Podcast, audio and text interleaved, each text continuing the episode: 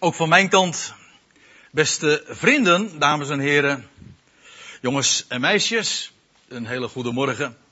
Ik wil u vanmorgen heel graag eens meenemen naar dat gedeelte om te beginnen wat we zojuist hebben gelezen. En als titel heb ik erboven geschreven, boven deze predikatie, een sabbatsreis daar vandaan. We gaan vanmorgen inderdaad op reis. Het is niet zo'n lange reis, hoewel we, er valt heel wat over te vertellen. En ik stel voor dat we daarom ook meteen maar van, van wal steken. We lezen in dat Handelingen 1, en het is nog maar een paar dagen geleden dat we Hemelvaartsdag hebben gevierd. Waarvan ik wel sterk de indruk heb dat verreweg de meeste mensen nauwelijks nog iets weten hebben van, van wat die dag eigenlijk betekent en waar het aan herinnert. Volgens mij herinnert het voor de meeste mensen helemaal nergens meer aan. Dat blijkt ook wel uit spraakgebruik, hè? Als we het hebben over hemelvaart. Dan zeggen ze prettige hemelvaart, bijvoorbeeld. Hm? Heb jij, of, heb jij nog leuke dingen gedaan met de hemelvaart? Waar ben jij naartoe gegaan met de hemelvaart? Dat is helemaal een open deur in trappen. Maar ik bedoel maar te zeggen, het herinnert eigenlijk nergens meer aan. Het is een dag vrij en dat is mooi meegenomen en dat, is het zo ongeveer. Maar ik ga ervan uit dat het voor u en mij, uh, voor ons zo hier, uh, wel degelijk uh, heel wat te betekenen heeft. En waar ik u op wil wijzen is iets bijzonders. Nou, laat ik eerst eens lezen wat er staat in vers 9 van Handelingen 1. En nadat hij dit gesproken had, hij had heel wat in die 40 dagen toch gesproken aan zijn discipelen en hen verteld over de dingen van het koninkrijk God, zo staat het er dan. En nadat hij dit gesproken had, werd hij opgenomen, terwijl ze het zagen, en een wolk onttrok hem aan hun ogen. En dan lees je dat een er twee Galileese, of nee, niet twee Galileese maar twee mannen daar plotseling verschijnen en die spreken de, de mensen die daar achtergelaten zijn toe en dan zeggen van wat kijken jullie nou naar de hemel? Deze Jezus die, die zojuist aan jullie oog is ontrokken zal op dezelfde wijze terugkomen. En dan lees je in vers 11, nee vers 12, nadat ook die mannen vertrokken waren, toen keerden zij terug naar Jeruzalem, van de berg genaamd de Olijfberg, die dicht bij Jeruzalem is, een sabbatsreis daar vandaan. Ja, en hoezo wordt dat er dan bij vermeld? Nou kun je gewoon zeggen van, nou ja, dat is een, een adreskundige mededeling, topografische informatie, uh, dat is de afstand, een sabbatsreis. Het gekke is trouwens dat de Bijbel helemaal nergens openbaart wat een sabbatsreis is. Het wordt als bekend verondersteld. Maar u zult nergens in de Bijbel vinden wat een sabbatsreis is. Hoewel er geen enkele twijfel over bestaat wat de afstand precies is. En ik zal het u vertellen, dat is namelijk 2000 L. 2000 L en dat is, dat is trouwens die, die afstand, die is wel op de Bijbel gebaseerd. Maar daar ga ik, ik juist u vanmorgen ook het een en ander over vertellen. En ik wil u ook meenemen naar de Tenach, naar de Hebreeuwse Bijbel, waar die afstand ook vermeld wordt. Maar je zou je kunnen afvragen van, ja, waarom wordt dat er hier zo uitdrukkelijk nog bij vermeld? Het is toch genoeg om te zeggen van, nou, die olijfberg die ligt dicht bij, bij Jeruzalem. Nee, er wordt erbij gezegd, een sabbatsreis daar vandaan. En wat ik u vanmorgen wil vertellen, is dat dat veel meer is dan alleen maar aardrijkskundige informatie. Kijk, u moet zich realiseren, die, de olijfberg staat voor de berg waar de Heer Jezus, dat is handelingen 1, dat is wat zojuist beschreven is, staat voor de berg waar de Heer Jezus ten hemel is gevaren, is ontrokken aan het oog. Hij is daar, vandaar, vertrokken en aan het oog, eh, voor het oog onzichtbaar geworden. Tot op de dag van vandaag. Jeruzalem daarentegen, staat in de Bijbel, in het algemeen, maar ook in het boek Handelingen, want zojuist had, had, was daar nog sprake geweest over het herstel van het koninkrijk voor Israël en dat zal plaatsvinden in Jeruzalem. Jeruzalem is de stad van de grote koning. Daar zal de nakomeling, de zoon van David, ooit zijn zetel hebben en niet alleen maar over Israël, maar over de hele volkerenwereld heersen. En een koninkrijk van vrede en gerechtigheid vestigen. Wel, daar is Jeruzalem een beeld van. Nou, en dan wordt er gezegd in dat verband, de afstand tussen die olijfberg en Jeruzalem is een sabbatsreis. De berg, die staat voor de hemelvaart. En aan de andere kant, de stad, die staat voor het vrederijk. De stad van de grote koning. De afstand daartussen is een sabbatsreis. Oftewel 2000 L. Of, voor het gemak, een kilometer. Zo, sommige Bijbelvertalingen zeggen dat dan ook zo. Een kilometer. Ja, maar dan ontgaat je wel weer het een en ander, moet ik u bij zeggen.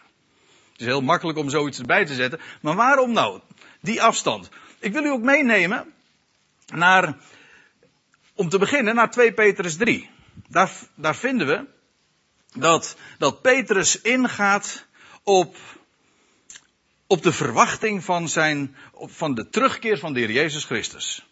U moet zich realiseren, Petrus heeft in de beginjaren dat hij in het boek Handelingen, die eh, daar ook beschreven worden, dat hij gepredikt heeft aan Israël en hij heeft gezegd, kom tot berouw en bekering en als jullie dat doen als natie, dan zal Jezus Christus ook terugkeren. In die tijd was de verwachting van een nabije, van een nabije terugkeer van, van Jezus Christus en daarmee ook de vestiging van het Messiaanse Rijk, dat leefde enorm sterk. Vandaar ook dat die discipelen vragen, en de Heer Jezus geeft een ontwijkend antwoord.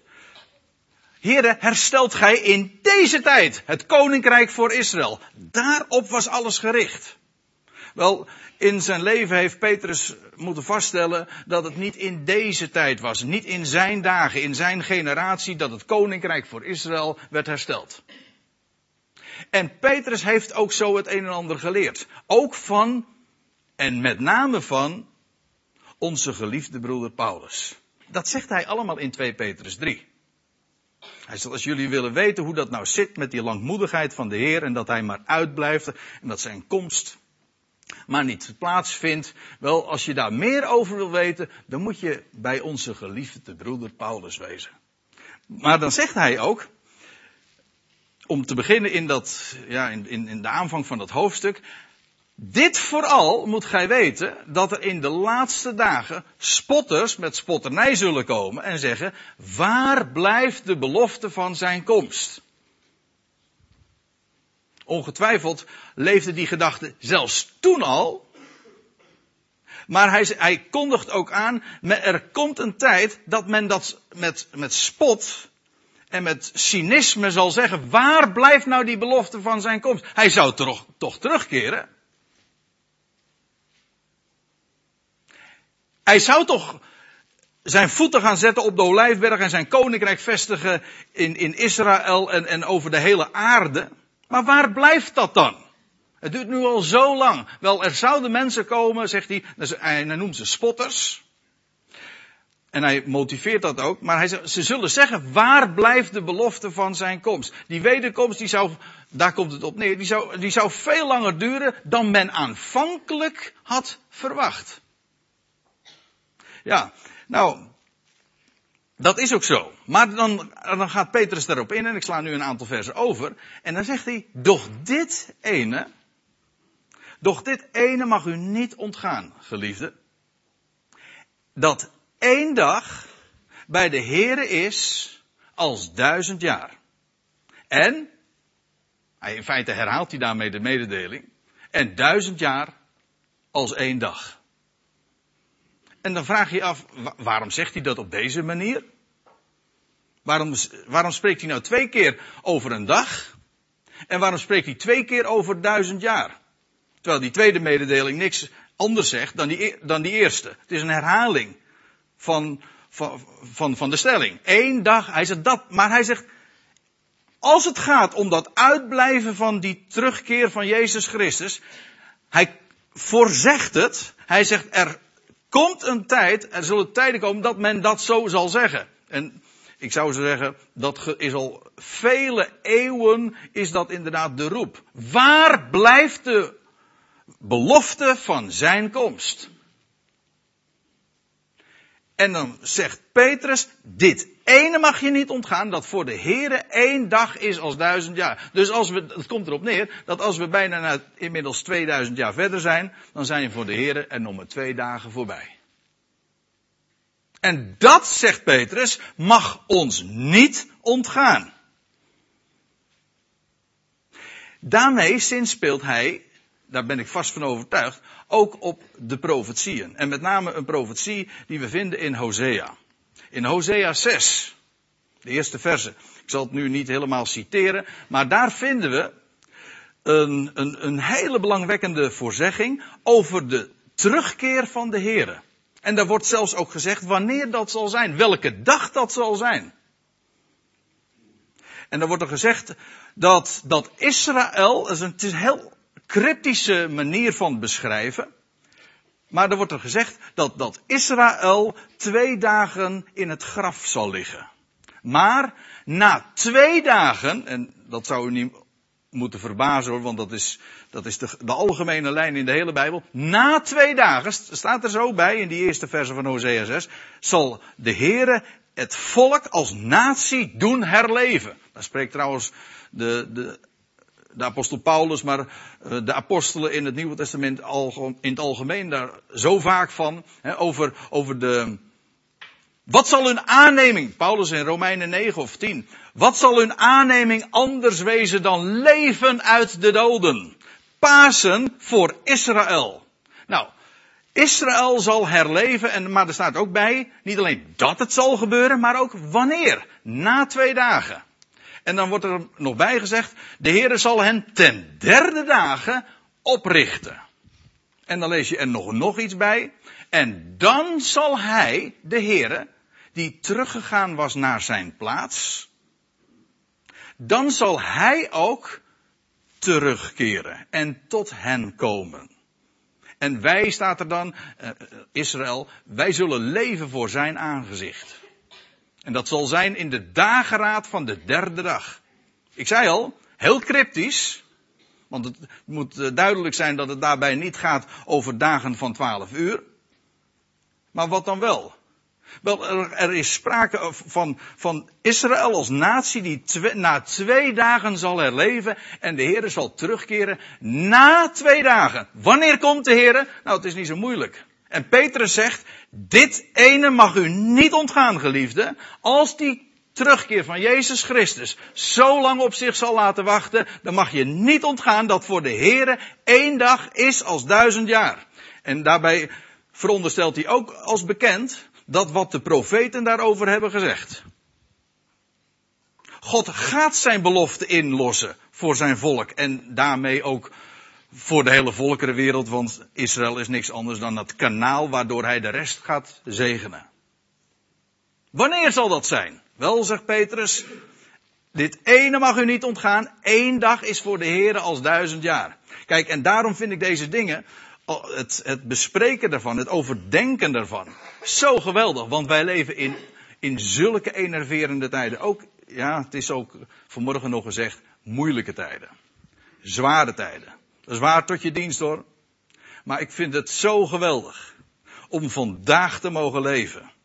En te zien ook dat God de dingen weer gaat oppakken die hij had aangekondigd. Wij leven in de tijden waarvan Petrus ook zegt in het herstel, de wederherstelling van alles waarvan de profeten hebben gesproken. Alles wordt weer gerestaureerd. Al die naties in het Midden-Oosten die, waarvan duizend jaren lang geen sprake meer is geweest, die worden allemaal weer zo op het bord gezet. En, eh, en, er is weer een natie Egypte. En er is weer een Syrië. Er is weer een Libanon. En er zijn, de Filistijnen zijn er zelfs weer. de Palestijnen. En precies ook op de locatie waar ze ooit hun, hun, hun, domicilie hadden. En er is weer een Joodse staat. Met Jeruzalem als hoofdstad. Etcetera. Al de stukken zijn weer op het schaakbord gezet. Ja, waarom? Nou, omdat de termijn op het punt staat te verstrijken. Daarom. Dat zou ons niet moeten ontgaan. De derde dag gaat aanbreken. En daar heeft die Sabbatsreis ook alles mee te maken. Met de afstand tussen de Olijfberg en Jeruzalem. Tussen de eerste komst van Christus, toen hij vertrok naar de hemel, en zijn terugkeer als hij zijn koninkrijk in Jeruzalem zal vestigen. En ik zal u dan eens meenemen naar nog een schriftplaats. Want die afstand van die Sabbatsreis, die afstand van 2000 L, die vinden we een tweetal keren. In, de, in het Oude Testament. We beginnen met Jozua 3. Daar lees je in Jozua 3 in het eerste vers. Toen stond Jozua des morgens vroeg op. Ja, we lezen, inmiddels is Israël gelegerd bij de Jordaan, staat op het punt door te trekken, door de Jordaan en, en het land in bezit te gaan nemen. Maar dan lees je in de aanvang van het hoofdstuk, vind ik zo mooi hè. Toen stond Jozua des morgens vroeg op. En bij alleen al met zo'n mededeling word je meteen al op het spoor gezet. Want in de eerste plaats, er wordt gesproken over opstanding. Er wordt gesproken bovendien ook over Joshua, maar u moet weten dat Joshua niks anders is dan de naam Jezus. Het enige verschil is, het ene is Hebreeuws en het andere is Grieks. Ja, en dan staat er ook nog bij, toen stond Joshua des morgens vroeg op. Ja, het heeft, het heeft, de naam wijst meteen in de goede richting. Maar wat er gebeurt, namelijk opstanding en bovendien wanneer het gebeurt, vroeg in de ochtend opstanding. Meteen is de toon gezet in dat derde hoofdstuk. Ja, derde hoofdstuk. Ook nog leuk. Maar daar moet je niet te veel waarde aan hechten, dat geef ik toe. Maar goed, dan lees je in vers 2. En hij, dat is Jozua dus, en al deze Israëlieten braken op van Sittim en kwamen daar tot aan de Jordaan, waar zij overnachten voordat zij overtrokken. Nou, en de Jordaan speelt een grote rol hoor in de Bijbel. Een hele grote rol. Maar de Jordaan is, speelt in de symboliek en ik kan me herinneren dat ik nog niet zo heel lang geleden op dezezelfde plaats daar ook wel wat meer over heb verteld. Maar de Jordaan spreekt van de dood. Daar hoef je nog niet eens een bijbelkenner voor te zijn. Hè, maar als je een klein beetje ook de, de kent die zo in de loop der eeuwen is gecomponeerd. Dan is daar zo vaak sprake over de doodsjordaan. Ja, waarom is dat? Omdat de Jordaan je moet eerst de Jordaan door om in het beloofde land terecht te komen. Daarom. De Jordaan is trouwens ook die, die rivier die afdaalt. Jordaan betekent trouwens ook gewoon afdaling. En die uiteindelijk uitmondt in de dood. De dode zee. Vandaar ook dat er in de Jordaan van alles weer uitgehaald wordt. Hè? Ja, er wordt een, een, een bijl bijvoorbeeld die wordt daar uit de Jordaan genomen. Maar uh, ja, je zou, je zou het aan diverse mensen zo kunnen vragen hoor. Wat er allemaal in de Jordaan gebeurde. Hele, hele merkwaardige geschiedenissen houden allemaal verband met die rivier. Maar wat je iedere keer weer ziet, is dat de Jordaan spreekt van de dood. Maar ook dat wat daaruit voortkomt. Daar gaat het vooral natuurlijk om. Ze hier gaat het even om die Israëlieten, die komen daar bij de Jordaan. Ze overnachten daar. Ja, akkoord. En dan vervolgens, na verloop van drie dagen, staat er dan in vers 2, na verloop van drie dagen gingen de opzieners de legerplaats door. Ja, waarom nou drie dagen? Nou, dat hoef ik nu niet meer toe te lichten. Drie dagen houden namelijk altijd verband met de opstanding. En dan staat er vervolgens, en zij gaven, die opzieners, het volk dit bevel. Zodra gij de ark des verbonds van de Heere uw God ziet. De ark van het verbond.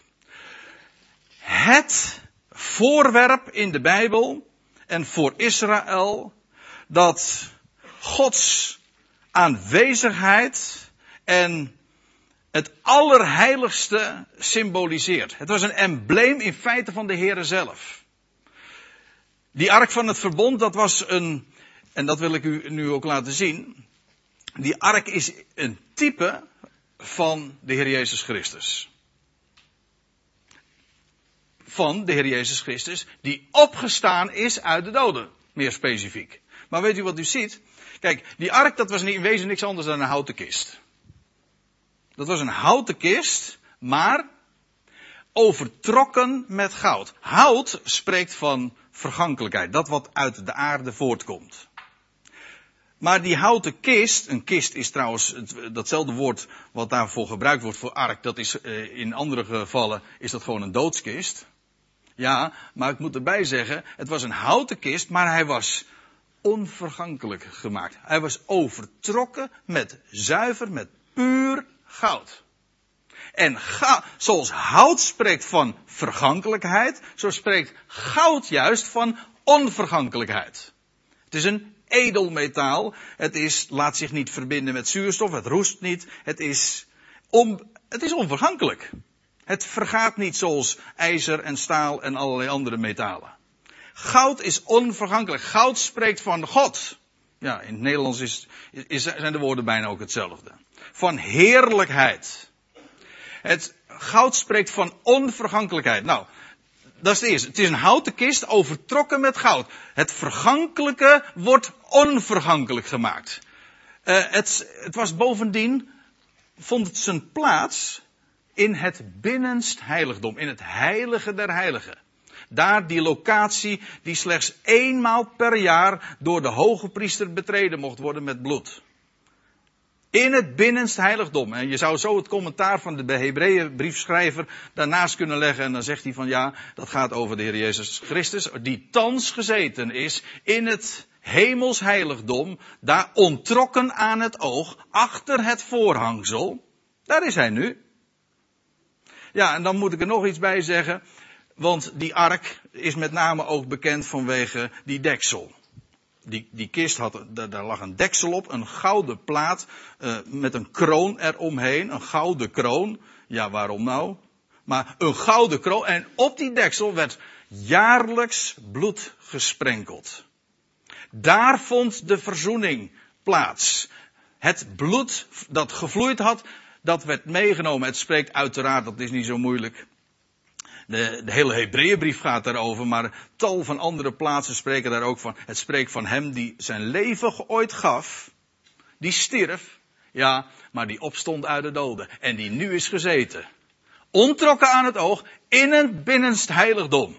Daar is hij, de onvergankelijke. En ja, je leest van die, van die ark bovendien ook nog dat eh, daarin gelegen waren de, de stenen tafelen waar God zijn woord op had geschreven. En er was bovendien ook nog een gouden kruik in, met manna.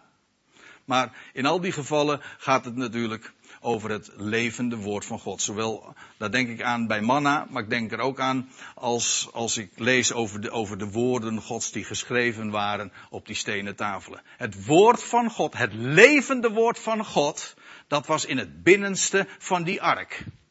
Uw woord is in het, mijn binnenste geschreven. Dat wordt van de Messias ook gezegd.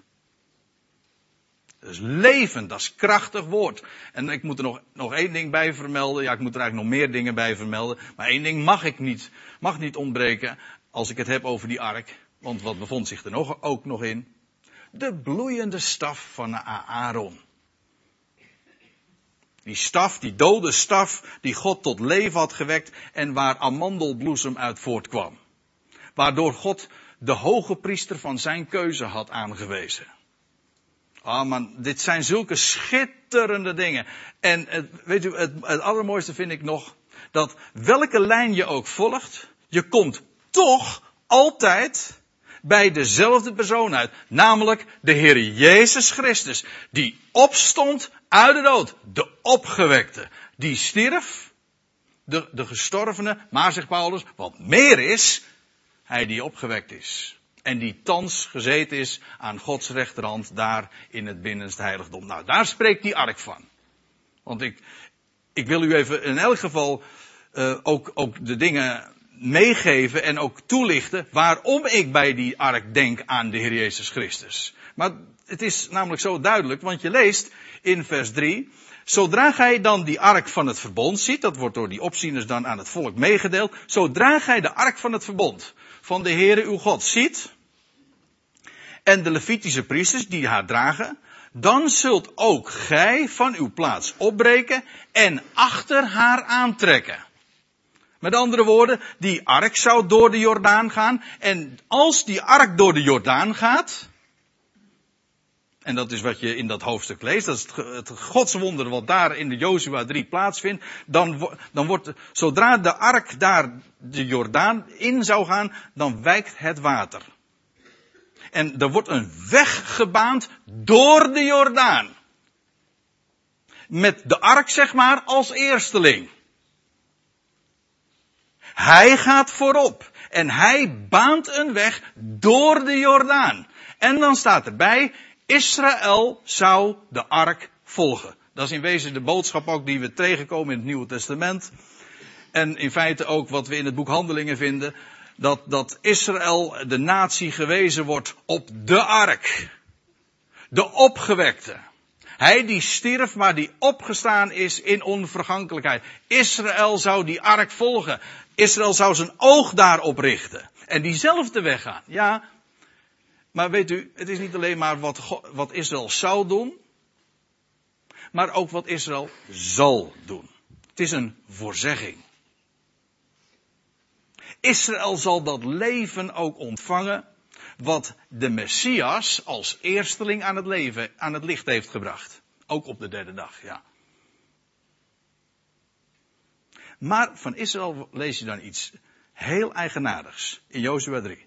Daar staat namelijk bij, in vers 4, er zij echter tussen u, Israël, en haar, de ark, een afstand van ongeveer 2000 ellen. Israël moest de ark navolgen, door de Jordaan heen, maar niet zo op de voet. Nee, dat zou gebeuren met een op afstand. Er zij een afstand tussen u en de ark van ongeveer 2000 ellen. En hier, onder andere op deze schriftplaats, hebben de rabbijnen ook de, de Sabbatsreis gebaseerd. De, die afstand van 2000 el. Dat is een heilige maat. En in, ik, uh, ik meen dat het het boek is, of de Groot Nieuwsbijbel, dan wordt er hier ook in Jozua 3 gezegd van, er zij tussen u en haar een afstand van ongeveer een kilometer. Dan zeg ik, dat is heel erg aardig dat ze dat voor ons hebben, zo uh, hebben omgerekend. Maar de clue mis je. Want het gaat nu juist om die 2000. Er zij tussen u en haar een afstand van ongeveer 2000 L. Dat is wat er staat. Dat moet je niet voor ons zomaar wegmoffelen en eventueel dan zo aardig weergeven. Ja, dat is ongeveer een kilometer.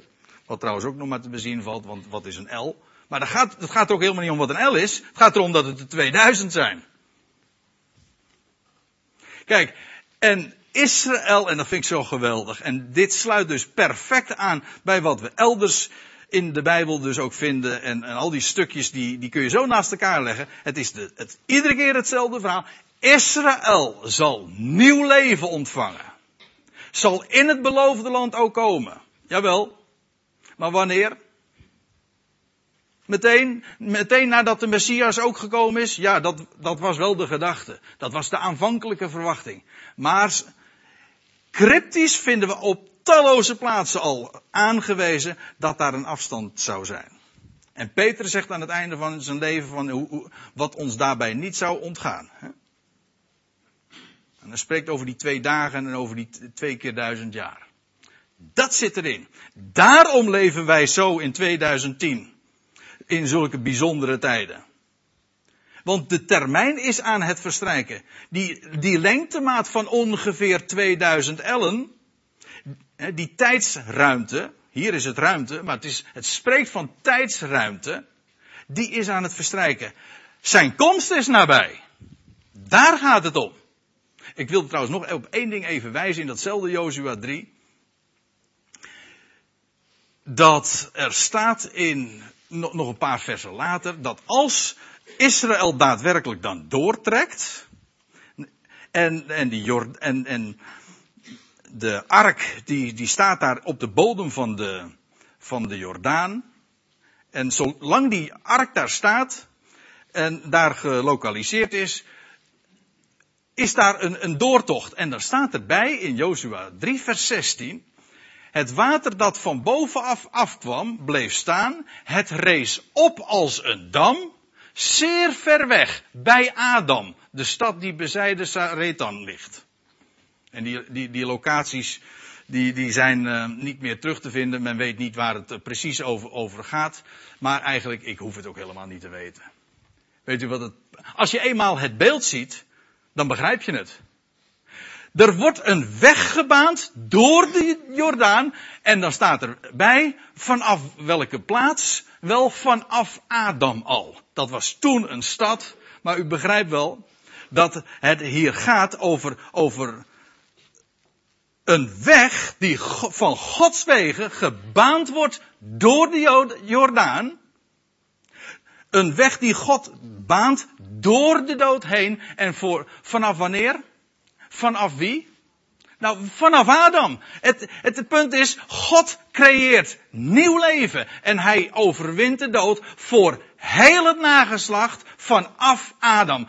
Voor elke Adamiet, voor het ganse mensdom, wordt er een, een weg gecreëerd. Naar het leven. Door de dood heen. Dat is in wezen het hele Bijbelse evangelie.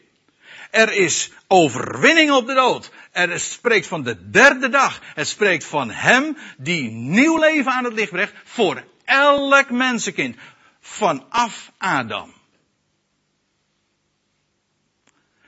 Dat is wat God geeft. Dat is wat we ook hebben te, wat we vertellen aan, aan iedereen die het maar horen wil. Zonder enige voorwaarden. Want dit zijn feiten. Ik, dit vraagt niks van een mens. Dit zijn mededelingen die God doet. Het spreekt van hem, zo, zoals dat ik in dat, uh, de tekst waar ik naar verwijs in 1 Korinthe 15, van hem, hè, in Adam sterven allen, ja, maar in Christus zullen allen worden levend gemaakt. Dat is de boodschap. Dat is de mededeling. En dat maakt ons juist ook zo geweldig blij. Maar het gaat nu ook even nog om die, die, die 2011, want ik wil op tenslotte nog één schriftplaats kort wijzen. Dat moet kort. Want er wordt nog een keer gesproken over die 2000 ellen. Ja. En dat is in nummer 35. In nummer 35, daar lezen we over wat aan de stam van Levi werd toevertrouwd. Van de stam van Levi lezen we dat ze geen erfdeel hadden gekregen in het land. Nee, wordt erbij gezegd, bij, bij meerdere gelegenheden zelfs, prachtig. Zij hebben geen erfdeel onder hun broeders. Zij hadden geen erfdeel in het land. Geen aardse bezittingen. Want staat er dan bij. De Heere is hun erfdeel. Dat lees je van Levi. Dat, was de stam waaruit de, de priesters ook kwamen. Weet u wel, die die ark ook droegen. Die voorop gingen ook. Op een afstand van 2000 L. Ja. Maar weet u, die 2000, die, die, die, die stam van Levi, daar lees je in nummer 35 nog iets, uh, ja, een heleboel eigenaardige dingen van. Maar ik wil u even wijzen op wat er staat in vers 5. Want die levieten die hadden een heel aantal steden, een 48-tal steden toegewezen gekregen. Niet als bezit, maar waar ze zouden wonen. En enkele van die steden waren dan weer vrijsteden. Maar, uh, en dan staat er in vers 5 van nummer 35. Gij zult buiten de stad afmeten aan de oostzijde 2000 ellen. En aan de zuidzijde 2000 ellen. En aan de westzijde 2000 ellen. En aan de noordzijde 2000 ellen. Met de stad in het midden. En dit zullen voor hen, de levieten dus, de weidegronden der steden zijn. Weer die 2000 ellen. Weer die, die heilige maat die God stelt. En dit is die, dit is die sabbatsreis, dus waar Handelingen 1 ook naar verwijst. En in feite vinden we hier weer diezelfde gedachte, namelijk ook over dat gebied buiten de stad. Ja, die 2000 L, nou ik hoop dat u dat in elk geval niet ontgaan is vanmorgen. Die 2000 L spreekt van de tegenwoordige tijd. Tussen de eerste en de tweede komst van de Heer Jezus, van de Heer Jezus Christus. Ja, maar van Levi lezen we dus, ze hadden geen aardserfdeel. Ze hadden geen erfdeel in het land. De Heere was hun erfdeel, net als voor ons. Maar wat hadden ze wel? Ze hadden weidegrond. Ze hadden weidegrond. En ja, er staat er nog bij, buiten de stad of buiten de legerplaats.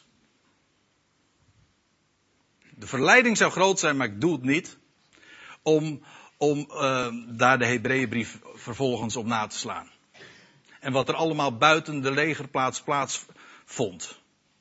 En, en dat de Heer Jezus ooit heel welbewust buiten de legerplaats, buiten de stad, is gekruisigd, gestorven, begraven, opgestaan en ten hemel gevaren. Dat is allemaal buiten die stad. Allemaal binnen die, dat rayon of dat, die afstand van 2000 L. Die hier ook vermeld worden. Wel, daarin, daarin is onze weidegrond. Daar is nou laat ik het anders zeggen, dat was de weidegrond voor die levieten. Maar u begrijpt wel waar ik, het, waar ik naartoe wil. Die 2000 L spreekt van de tegenwoordige tijd. We hebben geen plaats, dat zegt de Hebreeënbrief schrijven dan ook nog erbij. We hebben geen plaats misschien hier in, in de stad. Maar we gaan buiten de stad. Buiten het, het, het gevestigde systeem. Buiten de maatschappij dat kan niet schelen. Maar wij dragen zijn smaad. Maar het is een goede, het is een goede plaats hoor, daar buiten de stad. Want daar vinden we weiden. Daar vinden we voedsel. Daar vindt de kudde meer dan genoeg. Wel, daar spreekt die 2011 van. En om nou eventjes weer alles uh, terug te brengen naar, naar wat ik uh, vanmorgen in essentie ook aan u wilde vertellen is. Kijk, die, die, die 2011 die verwijst naar de, naar de tegenwoordige tijd. Ja, het verwijst naar de afstand tussen Jeruzalem en de Olijfberg. Het verwijst naar de plaats waar hij ten hemel voer en waar hij straks zal heersen vanuit Jeruzalem. Het spreekt van de afstand tussen de ark en Israël. Toen zij doortrokken door de Jordaan. Israël zal haar Messias volgen en nieuw leven ontvangen. Maar niet op de voet volgend, nee, er zou een afstand zijn van 2000 ellen. Ongeveer 2000 ellen. Dat ongeveer, dat behoedt ons ervoor om jaartallen te prikken, zal ik maar zeggen. Maar we zouden er alert op zijn op de tijd waarin we leven. Na twee millennia moeten we weten, nu gaat het gebeuren. Nu zien wij ook alles inderdaad in werking gesteld, gesteld worden. En de komst van de Messias en de wederkomst van onze Heer Jezus Christus zal niet lang meer op ons, op zich laten wachten. En in deze tijd, in deze 2000 jaren, ja, wat vinden wij? Wel, dat wij hebben hier geen erfdeel hier op aarde, dat is waar. Maar wij vinden daar wijde grond. Buiten de legerplaats. Buiten het systeem. Buiten de erkenning van mensen om. Maar wij vinden wijde grond. Meer dan genoeg. En in feite, die 2011 spreekt inderdaad ook nog over de Sabbat. Over Sabbatsrust. Het was de afstand immers die een Jood mocht afleggen op de Sabbat. Het is de afstand die, die spreekt van, van rust, van vrede van weidegrond. Van voedsel. Van de grazige weide ook nog. Ja, nou dat is wat we allemaal meer dan genoeg hebben. Maar weet u, het betekent dat als wij zo in, in deze tijd mogen leven. En ons bewust mogen zijn van wat ons nu is toebedeeld. Dat de Heer ons erfdeel is. En dat we ons mogen verblijden in alles wat Hij geeft. Mogen we ondertussen ons ervan bewust zijn dat de, de termijn verstrijkt. En wat er allemaal nog gaat gebeuren. En wat de Heer voornemens is. Niet alleen maar met ons, maar ook met Israël, met de volkerenwereld. God heeft nog zo enorm veel in petto voor zijn hele schepping. En hij gaat het leven laten doorbreken voor elk mensenkind vanaf Adam. Ik stel voor dat we daar een lied over gaan zingen.